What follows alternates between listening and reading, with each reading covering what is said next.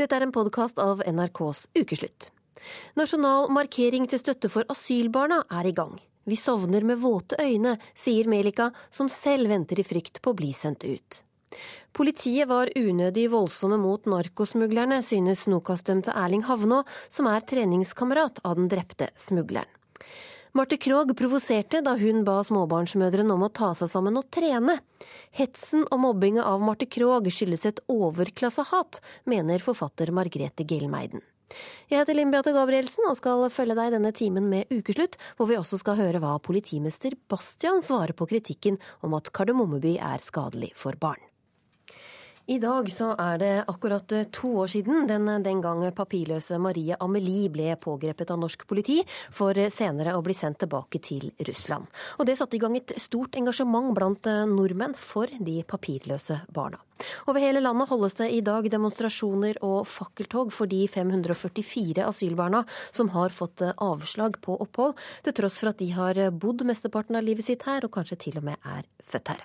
Og reporter eh, Cecilie Berntsen Jåsund, i Stavanger så startet eh, markeringa klokka tolv. Hva er budskapet til demonstrantene der?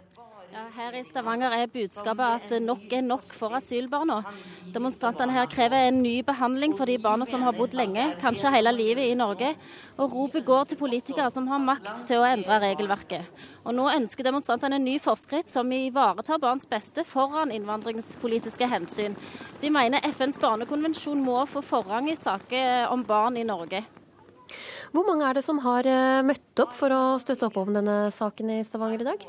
Her er det flere hundre mennesker. Det er folk fra ulike organisasjoner, fra foreninger, ulike nasjonaliteter. Det er både store og små. Flere småbarn som sitter på skuldrene til foreldre for å få med seg det som skjer. Det er mange plakater og bannere som har et tydelig budskap. Jeg snakka nettopp med ei syv år gammel jente som har en plakat der det står at alle barn er like viktige. AUF eh, varsler jo at de vil ha omkamp for eh, asylbarna på Arbeiderpartiets landsmøte til våren, og de får også støtte av en rekke fylkesledere. Og Spliden i regjeringa om dette spørsmålet vises også i eh, dagens demonstrasjoner. Hvem er det som stiller fra regjeringspartiene i markeringa i Stavanger? Ja, Her støtter det lokale AUF-laget denne demonstrasjonen. og Jeg har med meg stortingsrepresentant for SV, Halga Langeland. Han skal ha appellet nå her snart. og hva blir ditt viktigste budskap? Viktigste budskapet er det som er budskapet her i dag, nemlig at de lengevarende asylbarna må forbli, og at vi må legge opp den inhumane flyktning- og asylpolitikken som vi har i Norge. Partiet ditt eh, sitter i regjering. Hvordan kan dere gjøre det dersom dere er uenige i denne asylpolitikken?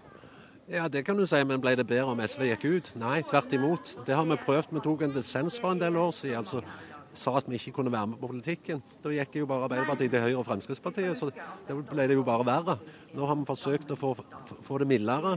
Det har vi ikke klart. Men den, denne demonstrasjonen her i dag det er et viktig støtte til en endring av den inhumane flyktning- og asylpolitikken vi har, og til at de barna skal forbli. Neda Ibrahim har bodd i ti år på Dale asylmottak, og ennå har hun ikke fått opphold i landet. Hva ønsker du skal skje i hennes sak? åpenbart det samme. Forble i Norge. De er tilnærmet norske. Sånn som ungene. De er jo født i Norge, oppvokst i Norge. Det er ikke de som skal bli skyldige om foreldrene har gjort noe galt. La barna få bli. Det er tydelig budskap fra Hallgeir Langeland. Det er demonstrasjoner i hele landet i dag, og her i Stavanger fortsetter oppropet en stund til. Takk skal du ha, reporter Cecilie Berntsen Jåsund. Og vi har eh, med oss en av dem det handler om eh, i dag.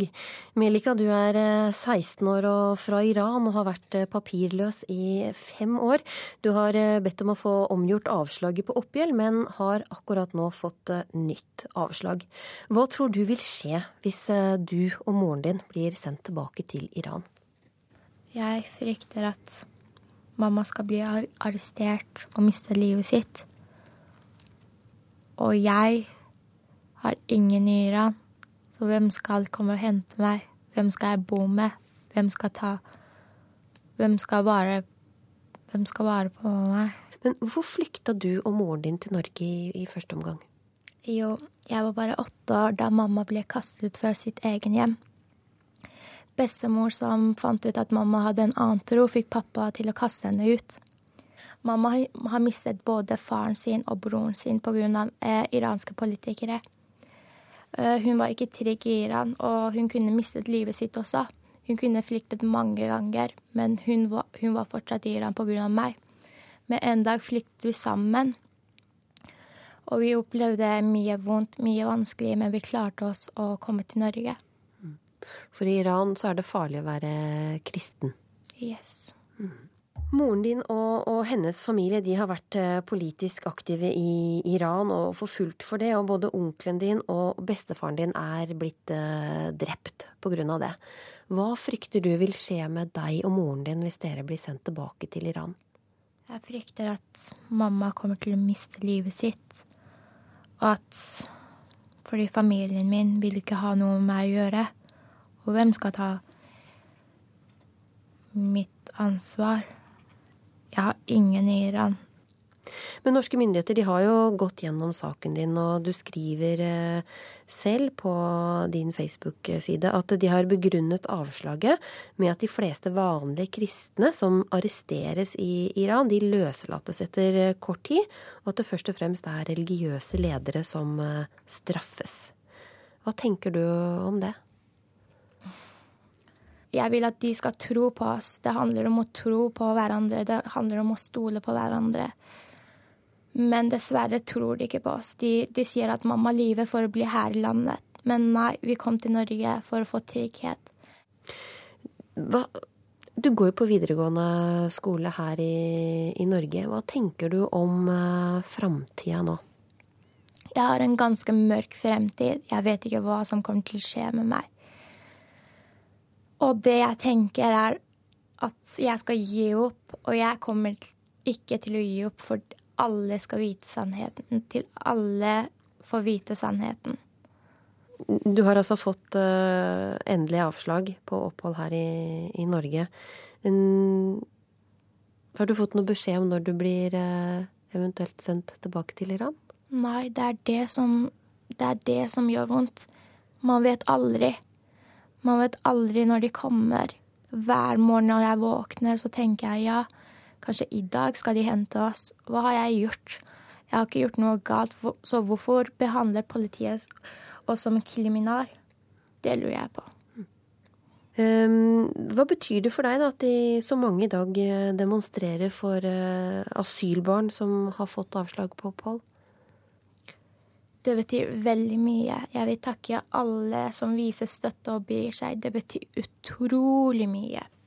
Dere gir oss håp. Dere, gir oss, dere viser oss et lys i mørket.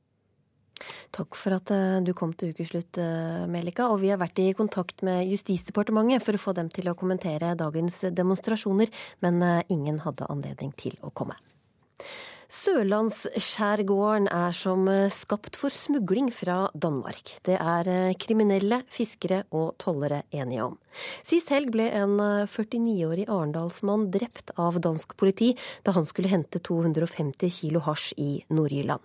Politiaksjonen var unødig voldsom, mener den dreptes treningskamerat, Nokas-dømte Erling Havnå, som ukeslutts reporter Kari Li møtte på fengselsbåten til Bastøy hvis man blir tatt med Danmark for 250 kilo, hvor mye får man da? To-tre-fire år. altså Det er ikke så veldig veldig stor sak, egentlig. Og Da syns jeg det virker veldig voldsomt, det som skjedde. Og dessuten er cannabis et snilt stoff. Erling Havnå er kledd for å være ute i kulda, i strikkegenser, selebukse og lue. Ukeslutt er i Horten havn, hvor Bastøy fengsels lille grå ferje ligger til kai. Den dømte Nokas-raneren Havnå jobber på ferja som en del av åpen soning. Her er jeg matros. Ja. Lettmatros. Mm. Lettmatros, hva betyr det? Nei, det du tar eh, fortøyninger og ja, pass på sikkerheten, da. Da Havnå fikk høre om den dramatiske aksjonen mot de norske hasjsmuglerne i Danmark sist søndag, ringte han hjem til Arendal. Jeg kjenner eh, både han som ble da drept, og jeg kjenner også eh, broren hans og noen i familien, så det er klart at det, min tanke går jo til dem. Men Havnå skjønner ikke hvorfor smuglingsforsøket av 250 kilo hasj er blitt knytta til ransmiljøet han var en del av. Og det at det knyttes inn mot Nokas og sånne ting, syns jeg er veldig ekkelt, rett og slett. Så man får jo aldri fred sånn sett, men, men det er en liten sak. Det, altså, de har veldig vondt av familien. Altså, og det er en tragedie, det som skjedde der nede. Og jeg tror nok alle mener det. Klokka er halv sju. Havnebassenget i Arendal er fortsatt svart som natta når reketråleren Frøken Valberg gjøres klar for tur. Nei, det er nesten som å ha tatt ut av virkeligheten, som en, kanskje en litt brutal film. Jeg ble veldig overraska da jeg hørte at, uh, at vedkommende fra Arendal var så delaktig i det. Jeg kunne nesten ikke tro det. Fisker Atle Nilsen trodde han kjente den drepte 49-åringen. Jeg vet han ble tatt for noe spritsmugling for mange år siden. Det satt han inne for og gjorde opp for. Og eh, at han skulle puttes inn igjen, og det her ville blitt, ville blitt lenge, det tror jeg gjorde at han fikk fullstendig panikk, altså. Og handla helt irrasjonelt, altså. Det er faktisk den eneste forklaringen jeg kan ha på det. Hva ser du til eh, smugling når du er ute? Nei, jeg har ikke lagt merke til noe, faktisk. Det kommer alltid båter på kryss og tvers og litt hurtiggående. Det er en del av båtkulturen her nede. Det er de her nye hurtiggående båtene. Vi har jo alltid visst at uh, båtfolket reiser over og kjøper en danskepølse og en kasse øl ekstra. og Det er på det nivået. Så det som er kommet frem nå, er en helt ny side av det, altså, som er skremmende. Men uansett hva en måtte bringe med seg, må det være lett å smugle via Sørlandet, mener den lommekjente fiskeren. Ja, det er jo fritt frem. Det er jo, kysten er jo helt fri og åpen, og det er et mylder av holmer og skjær og mange muligheter. At de vil komme direkte inn til Arendal, det tror jeg ikke. Jeg tror de finner litt andre veier, litt mer utilgjengelige steder, og, og går langs holmer og skjær. Og tror, ja, det er nesten håpløst å kontrollere det. Oppi det her ser du en vanlig trafikk òg. Så eh, her må de drive ganske øh, kraftig etterretning i forkant, skal de klare å skjønne hva som foregår, tror jeg. Det er gnistrende sol og havblikk. Holmene suser forbi når ukeslutt er med tollvesenet på tur ut Kristiansandsfjorden. Hva er farta di nå, da? Nå ligger vi i 36-37. Akkurat hvor fort den nye båten til 6 millioner kroner kan gå, vil ikke kontorsjef i tollregion Sør, Helge Breili, ut med. Det er noen miljøer som følger litt med på hva vi har av redskap. så har vi en rask båt, så vil de kanskje ordne seg noen båter som går enda fortere. Har det vært et problem tidligere, at dere ikke har hatt raske nok båter?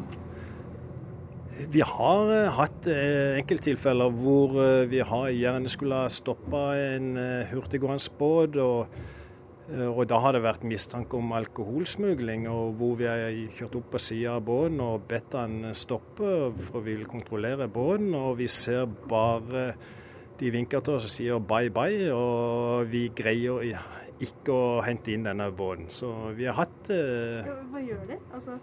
Nei, altså de, de, de, har nok eh, humra og ledd godt av altså, og vil eh, nærmest mobbe tollvesenet i sånne tilfeller. Båten som ble stoppet av dansk politi sist søndag, hadde to ganger 250 hestekrefter å sparke fra med. Breili kjente både båten og smugleren fra tidligere. Det er jo to sider av denne saken. Vi er glad for at ikke narkotikaen kommer inn i landet, men er jo litt eh, triste pga. dødsfall og skuddskader og, det ene med det andre. At det skal være nødvendig at det skal gå så langt. Ble du overraska over at det gikk liv i den aksjonen, og at de var bevæpna? Ja, jeg må si jeg var overraska over at det, det, gikk så langt at uh, de var såpass, skal vi kalle det, gale at de valgte å prøve å stikke av gårde med å skyte seg ut av den situasjonen. Veldig overraska. Arendalsmannen som ble drept skal ha vært åpen om smuglingen. Likevel har Breili og tollerkollegene hatt vanskelig for å stoppe ham før nå. Hvis du tenker på narkotikasmugling, det skjer gjerne på natta små, hurtiggående båter fort ut fra Norge og fort opp igjen. Du må vite ganske mye i forkant, og, og du må være til stede der det skjer. Hvordan får dere tatt disse smuglerne? Ja, altså, Det som du sier, det er en veldig vanskelig oppgave for tollvesenet. Og vi har merka at det er blitt enda vanskeligere, ikke minst når, vi, når det blir slutt på den pliktige registreringa i båtregisteret. Ser vi en, eh, en, båt vi kunne være interessert i, så vet vi ikke hvem som eier den. Så det har jo vært et stort savn for tollvesenet at ikke det er oppe og går et eh, ordentlig båtregister som er pliktig til å registrere seg. Men ikke minst så savner vi jo en del tips fra publikum. Og det er som du ser i den aktuelle saken som skjedde nå i helga, så kan, kan, vi lese i media at uh, dette har de vært klar over og har, har pågått. Så vi savner en del opplysninger fra publikum. Ja, der har vi sikkerhetskapteinen. Erling Havnå hilser ydmykt på sjefen om bord i fengselsbåten. Nærmeste Gud vi kommer. Tollere som jakter på hasj, må klare seg uten Havnås hjelp. Altså, Man hadde ikke hatt en sånn aksjon hvis man smugla egg. Dette er jo et resultat av at man, at man har høye straffer og gjør det veldig, veldig, veldig stort og farlig. Eh, jeg sier ikke at det er ålreit å gjøre det, men, eh, men, du kan si det må være grenser hvor stort og farlig det kan være med 250 og med sånn stoff. Ifølge dansk politi så var det smuglerne som begynte å skyte, og politiet mener de da ikke kunne forhindret episoden. Og det hele granskes nå av det som tilsvarer den danske spesialenheten for politisaker. Mens vi andre i god tro koste oss med barneklassikeren Kardemommeby, kom svenske Sofia Jupiter inn som en annen tante Sofie og løftet pekefingeren tidligere denne uka. Hun mener Torbjørn Egners klassiker er skadelig for barna, og at det vil gjøre arbeidet for likestilling vanskelig i flere generasjoner framover. Dette syntes vi i Ukeslutt var en sak for politimester Bastian, som kanskje ville ha svart slik på kritikken fra Jupiter. Jeg har laget en kardemommelov som er for byen vår, og i denne kardemommeloven står man skal ikke plage andre, man skal være grei og snill. Og for øvrig kan man gjøre hva man vil. Og for øvrig kan man gjøre hva man vil. Barn sitter der i salen og, og tar inn og, og, ser alt og får i seg der. Og det, ja, det syns jeg at vi skal diskutere. Så så, Sebastian. Dette må gå i tur og orden. Først skrive opp, og så tenke nøye over saken. Eh, man får beholde sine ritualer, man får elske egne. Jeg vil bare, eh, det, det, som slo meg også var hvor ureflektert det, eh, det skjer. Så altså hva vi formidler til våre barn, på hvilket sett vi formidler våre verden og våre vurderinger til våre barn. Jeg skal straks og med en gang tenke over saken, sa politimester Bastian. Jeg skal tenke på den alt nå mens jeg går nedover gaten. Men han fikk ikke tid til å tenke så lenge. Jeg mener bare at det fins en, en, Just det at man idealiserer visse verden. Ja ja, sier Bastian. Det hender mye i Kardemommeby som ikke hender andre steder. Um, ja, altså jeg, kan, jeg, forstår hva du sier. Jeg hører hva du sier. Jeg... Og Bastian klør seg i hodet. Vel, vel, jeg skal skrive det opp i boken min. For å få bli med i, en, i et samfunn her, så måste man vaske seg, og man måste liksom redde hundevalper, man måste gjøre alt det der. Annars får man ikke være med. Nei, men det var da sørgelig, sa politimesteren. Det er presis den der eh, politisk inkorrekte holdningen som jeg savner. Men da ble politimesteren sint. Derfor må jeg arrestere dere i lovens navn. Ja, alltså jag måste säga att jag hade förväntat mig reaktioner givetvis på det här. Men att jag hade förväntat mig de här vilda, vilda reaktionerna, det hade jag ju inte gjort. Alltså. Det var rart, sa politimester Bastian og klødde seg i nakken. Du hører på en podkast av Ukeslutt hvor det straks blir mer om følgende. Norske rombarn er borte fra skolen hver tredje dag. Myndighetene må bruke sanksjoner mot romforeldre som ikke sender barna på skolen, mener tidligere polititopp Finn Abrahamsen. Og Petter Northug er skisportens Ari Ben, mente Atle Antonsen. Hør hvordan de to skrytepavene låter sammen. Fiolinist og finansfrue Marte Krogh hisset på seg mange foreldre da hun i bladet Mamma sa at altfor mange kvinner gir opp trening når de får barn, og at man bare må ta seg sammen. Det provoserte når det kom fra en kvinne som både har au pair og hjelp i huset.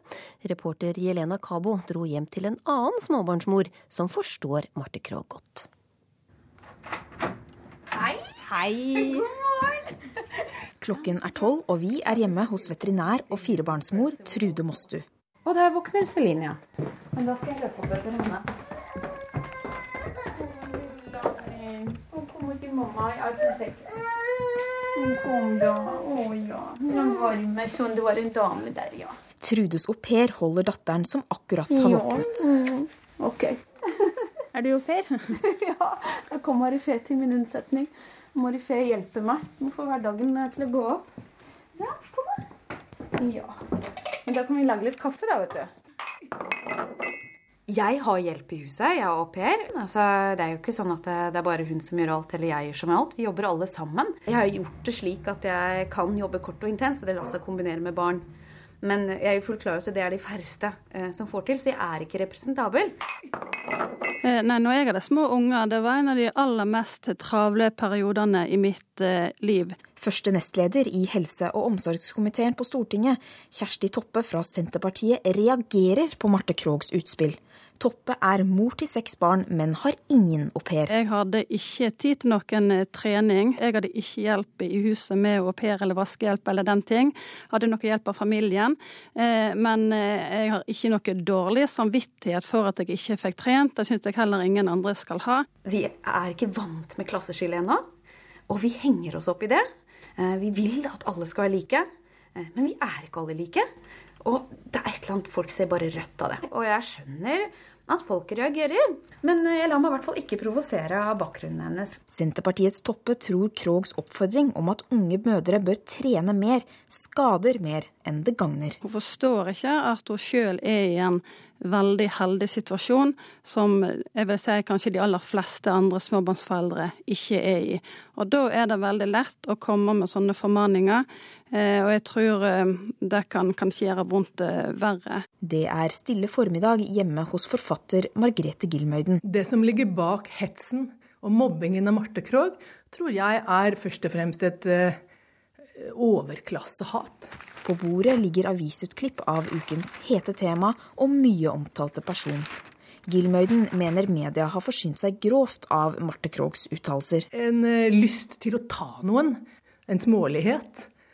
En manglende evne til å beundre og, og sette pris på folk som er uh, dyktige. Ja, dette har skapt en voldsom storm.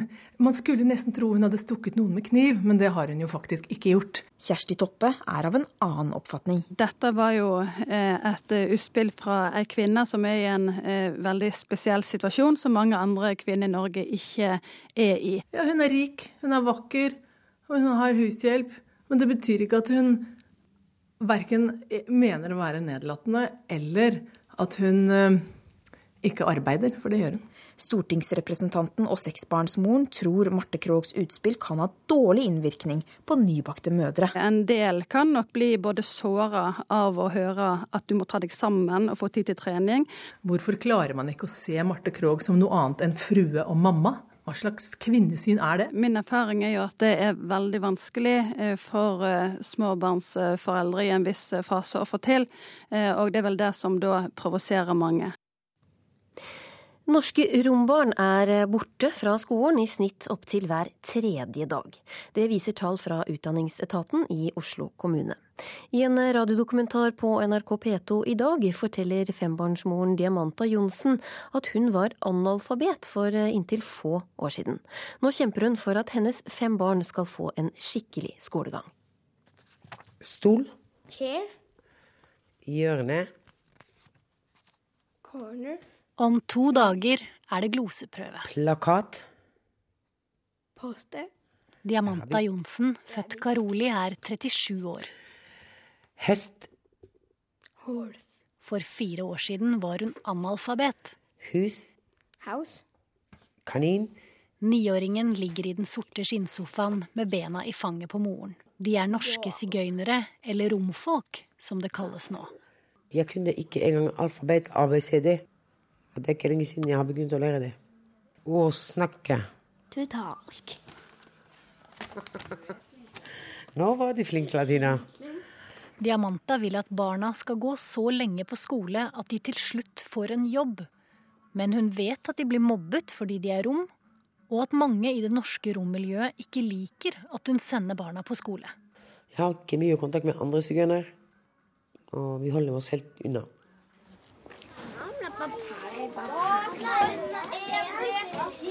På plassene sine. Kjempebra. Du er kjempeflink skolejente. Vi venter en så går vi. Hei. Familien er norske romfolk og har bodd her i flere generasjoner. Det er rundt 700 norske rom, og de stammer fra familiene som kom tilbake til Norge etter andre verdenskrig. Oh, jeg ser hvor vanskelig eller hvordan når man ikke er flink til å lese og skrive, hvor vanskelig er det til oss Og jeg vil ikke ha det opplevelse smerte, man kan si. Smerte innenfra. For du klarer ikke Du er nesten verdiløs. Og du kan ikke skrive og lese.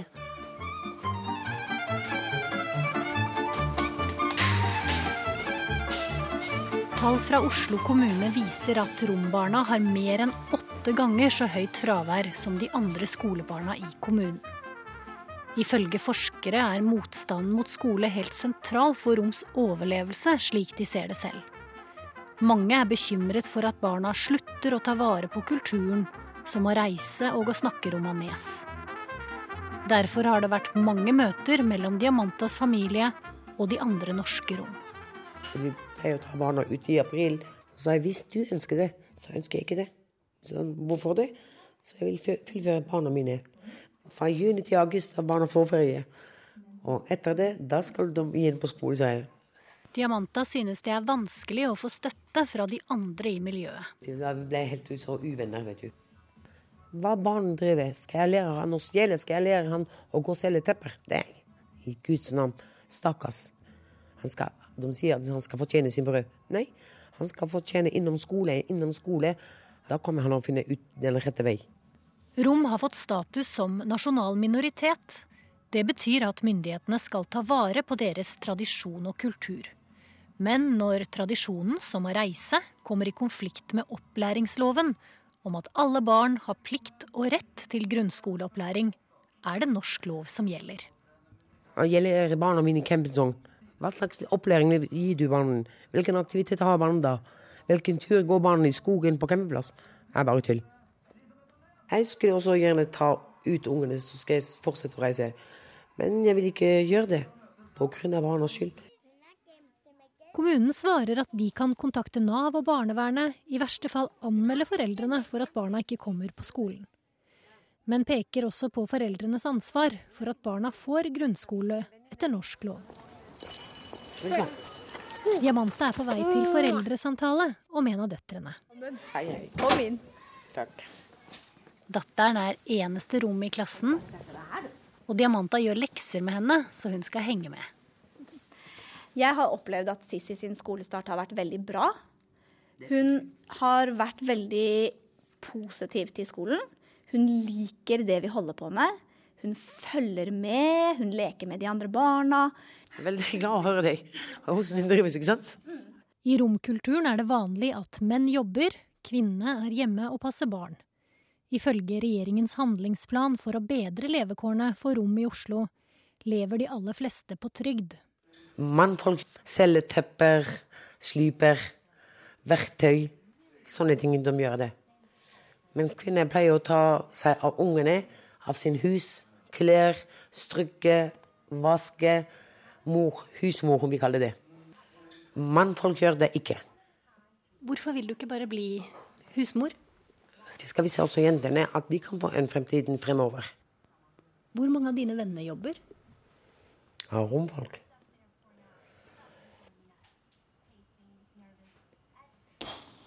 Ingen, tror jeg. da. Diamanta har aldri hatt en jobb, men hun vil forsøke. 37 år gammel og tredje generasjons nordmann. For fire år siden lærte hun seg å lese og skrive. Det gjorde hun på voksenopplæringen på romtiltaket, der den svenske romkvinnen Sima Millon er lærer. Vi har ingen akademisk tradisjon. Det er der det brister alt sammen. For det er ikke så nøye å gå i skolen. Jeg har ikke heller gått i skolen, sier man da. Og det er ikke så nøye med skolen nå, hva du tjater liksom det blir, det blir ikke det her det er ikke det som er the- main point liksom, At man må gå til skolen. Rom gifter seg med rom, og jentene skal være jomfru. Mange tar jentene sine ut før de er ferdig med ungdomsskolen. En sentral person i det norske rommiljøet har sagt at han vier rombarn i 16-årsalderen. Jenter sannsynligvis det er mest som blir uttatt fra skolene som 13-12-åringer pga. at de sier Jeg har spurt det, vi hadde konflikt i sammen med andre forhold til andre romfolk, så vi sa det pga. at de blir forelsket seg i en elever, norsk eller pakistansk, at jenter frister seg på gutter, eller gutter frister seg på jenter.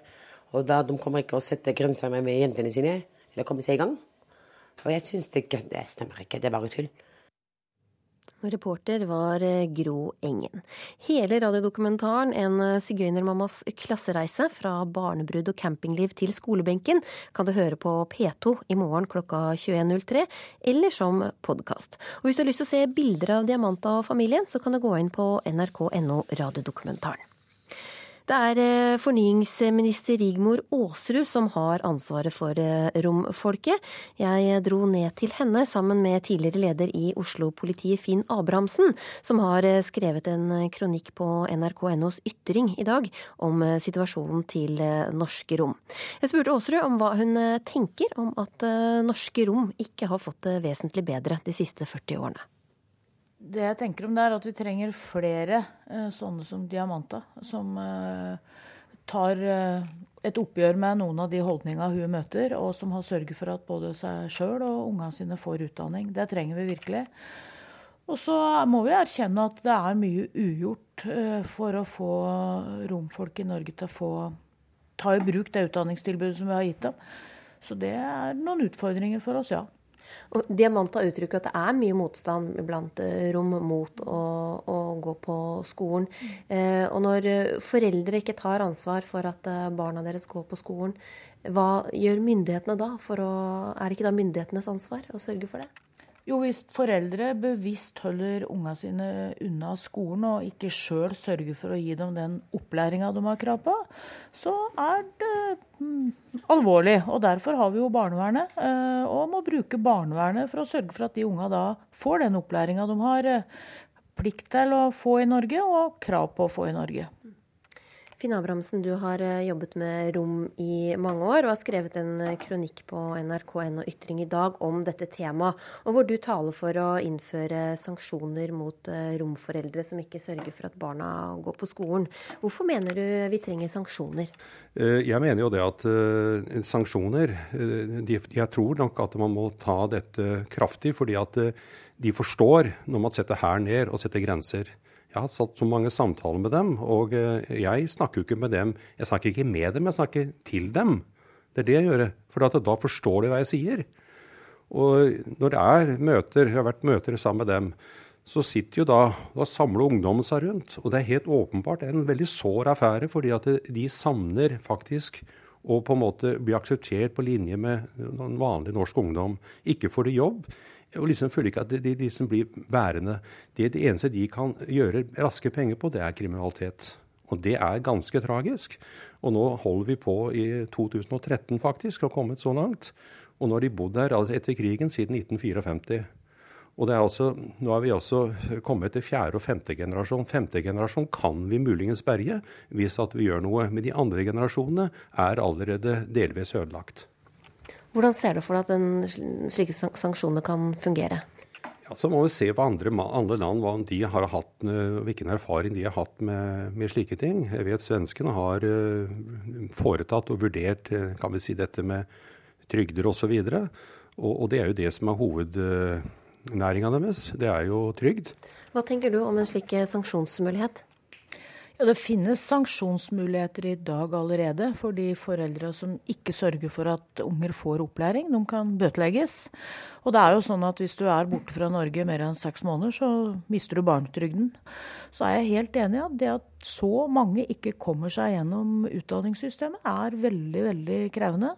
Derfor så har jo vi brukt mye penger på en liten gruppe for å sørge for at flere kan få tilbud i voksen alder. Og det er jeg veldig glad for at mange har benyttet seg av, sånn som Diamanta her forteller om. Hun har lært å, å skrive og, og lese i voksen alder for å følge opp ungene sine. Men også voksenopplæringen sliter med oppmøte, og rektor der har etterlyst uh, sanksjoner denne uka. Og vi hører her at barn på, altså rombarn på Oslo-skolene har et uh, veldig mye høyere fravær enn en andre barn. Har man da gode nok sanksjonsmuligheter? Eller bruker man de godt nok da? Ja, jeg tror det er noe med praktisering. Jeg er veldig glad for at Oslo kommune har eh, høyt fokus på det her. At man er klar over hvilke barn man har i skolen og følger opp fraværet tett. Det er viktig. Og så får vi se da om det er andre måter å sanksjonere på sørge for at unga får utdanning. Det viktigste for meg er jo at unga kommer seg gjennom en skolesituasjon og får den opplæringa de har krav på. Nå har jeg lest en artikkel som kom for en stund siden i der eh, Aftenpostens magasin, det der Innsikt. Og Der snakker vi om et land som Slovakia, med en halv million mennesker. Og Det de sier der, det de må begynne med, det er altså førskole og, og barneskole. Altså barnas første del på skole. Det, altså Vi må satse 100% der. Ja, hvorfor har dere ikke satt i gang tiltak for å få rombarna inn i barnehage? Ja, Det er jeg enig i at er et viktig tiltak, og jeg håper at Oslo kommune ser positivt på det. Vi har jo prøvd ut nå med gratis eh, barnehage for noen uh, grupper i, i, de områdene i Oslo bl.a., som det er mange med fremmed flerkulturell bakgrunn. Og jeg ser ikke bort fra at man bør ha det også for rom. De aller fleste eh, med rombakgrunn bor jo i Oslo. Det er en ganske lita gruppe, så det er jo en overkommelig mengde med, med barn som vi også skal kunne kartlegge. Ja, hvorfor er det da så vanskelig? Det er snakk om at det er maks 700 rom som bor i Norge. Ja, nei, Det er eh, et veldig godt spørsmål. og Vi lagde en handlingsplan i 2009 som har virka nå noen år. Og vi er ikke i mål på noen måte. Så vi er jo nødt til å se om de tiltakene vi har foreslått i den handlingsplanen er treffsikre nok. Vi starter et arbeid med det nå. Hva tenker du om at de skal se på handlingsplanen igjen? Ja, altså, Nå har vi holdt på med mange planer siden 1970. Eh, jeg vet ikke hvor mange stortingsmeldinger og sånt det har vært, men uh, uansett, det ble masse bruk, masse penger. Det vet vi. Det har ikke ført til noe. Du skriver også i, i, kronikken din at man har vært litt redde for å bli kalt for rasister, og derfor ta litt pent i, i, i romfolket. Hva mener du med det? Ja, jeg vil si det at uh, det vi snakker om her, det er jo et overgrep som uh, staten har med, vært med på. Det må vi ha lov til å kunne si. Når at vi har en femte generasjon nå nærmest som ikke kan lese og skrive, og som lever sånn som de gjør. Men hvorfor har man ikke kommet lenger på 40 år? Nei, Vi har jo ikke klart å treffe med tiltakene vi har satt i gang. Uh, jeg tror mye er prøvd, og mye, mye har, ikke, har ikke fungert godt nok. Og derfor så må vi leite etter nye tiltak. Petter Northug er på en måte Ari Ben på ski, sa Northug-fan Atle Antonsen under Tour de Ski. Antonsen sa at det foregår en kamp inni ham hele tida om han liker eller ikke liker Northug. Og vi kan være enig i at både Ari Ben og Petter Northug er proppfulle av selvtillit og bruker store ord. Og kanskje jobber det litt inni deg også av og til, når Ben eller Northug kaster janteloven på båten. Lyddesigner Helgar Torgvær har laget denne lydkollasjen av de to skrytepavene. Jeg har blitt kalt mye forskjellig. Posør, men også påfugl. Det den representerer, er jo trygghet i seg selv og i sin egenverd. Og da kan den også være raus og gi noe til fellesskapet. Det, hver dag er en fest, og det er lov å bruse med fjøra. Det er rått parti! Det er rått parti! Det er Petter mot Røkla, som vi sa i gamle dager på Kampen! Vi møttes i drømmene våre da vi var små. Må jo hviske som er sjefen her. Du er lyset som overvinner mørket. Aldri har jeg møtt et menneske med større styrke enn deg. Det er så lett! Aldri har jeg møtt et menneske som har mer hjertekraft enn deg. Førstemann til topps. Det gjelder å ha styrke i motbakkene. Ellers er det rett ut i første utforskning. Kong Carl Gustav, can you hear me? Det er den kontinuerlige uh, teppbombingen av ufine personer. Nattbombingen. Bjørn Borg, Ingeborg Stenmark, you guys took a hell of a beating. Folk oppfatter meg som veldig arrogant. At jeg er Mm. proppfull av et eller annet eh, gen som folk blir hoppende gærne på. Og jeg mener at det er plass til alle i samfunnet. Å ta den plassen de ikke nødvendigvis føler seg fortjent til, men i hvert fall jeg, det er jo det jeg har gjort. Fordel å holde seg på beina. Det blir så mye lettere da. La oss fortsette med å møtes i drømmene våre. Det er dobbelt seier. Det er double. Det er så søtt.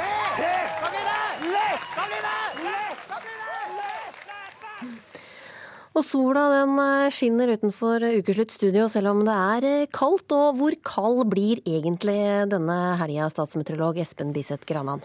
Ja, noen steder er det veldig kaldt. Nord-Norge er det ikke fullt så kaldt. Så det er litt på plussiden, faktisk. Så det er litt ulike temperaturer i landet. Men vi kan eh, se på et eh, værvarsel som gjelder til søndag klokken 24. Og da først eh, temperaturutsiktene. Da ventes til søndag stigetemperatur i Trøndelag, og det blir kaldere på Spitsbergen. Ellers i landet uendret eller litt lavere temperatur. Fjell i Sør-Norge får skiftende bris og pent vær. Østafjells skiftende bris på kysten, nordøstlig bris. Periodevis skyet eller delvis skyet i kystnære områder, ellers mye pent vær. Vestlandet sør for Stad skiftende bris og pent vær. Fra søndag ettermiddag sørøst frisk bris på kysten, om kvelden stiv kuling i nord. Tilskyende i ytre strøk. Møre og Romsdal skiftende bris, pent vær. Søndag opp i frisk bris på kysten. I ytre strøk skyter eller delvis skyet opphold, ellers pent vær. Trøndelag sørøst eller skiftende bris. Søndag sørvestlig opp i frisk bris på kysten.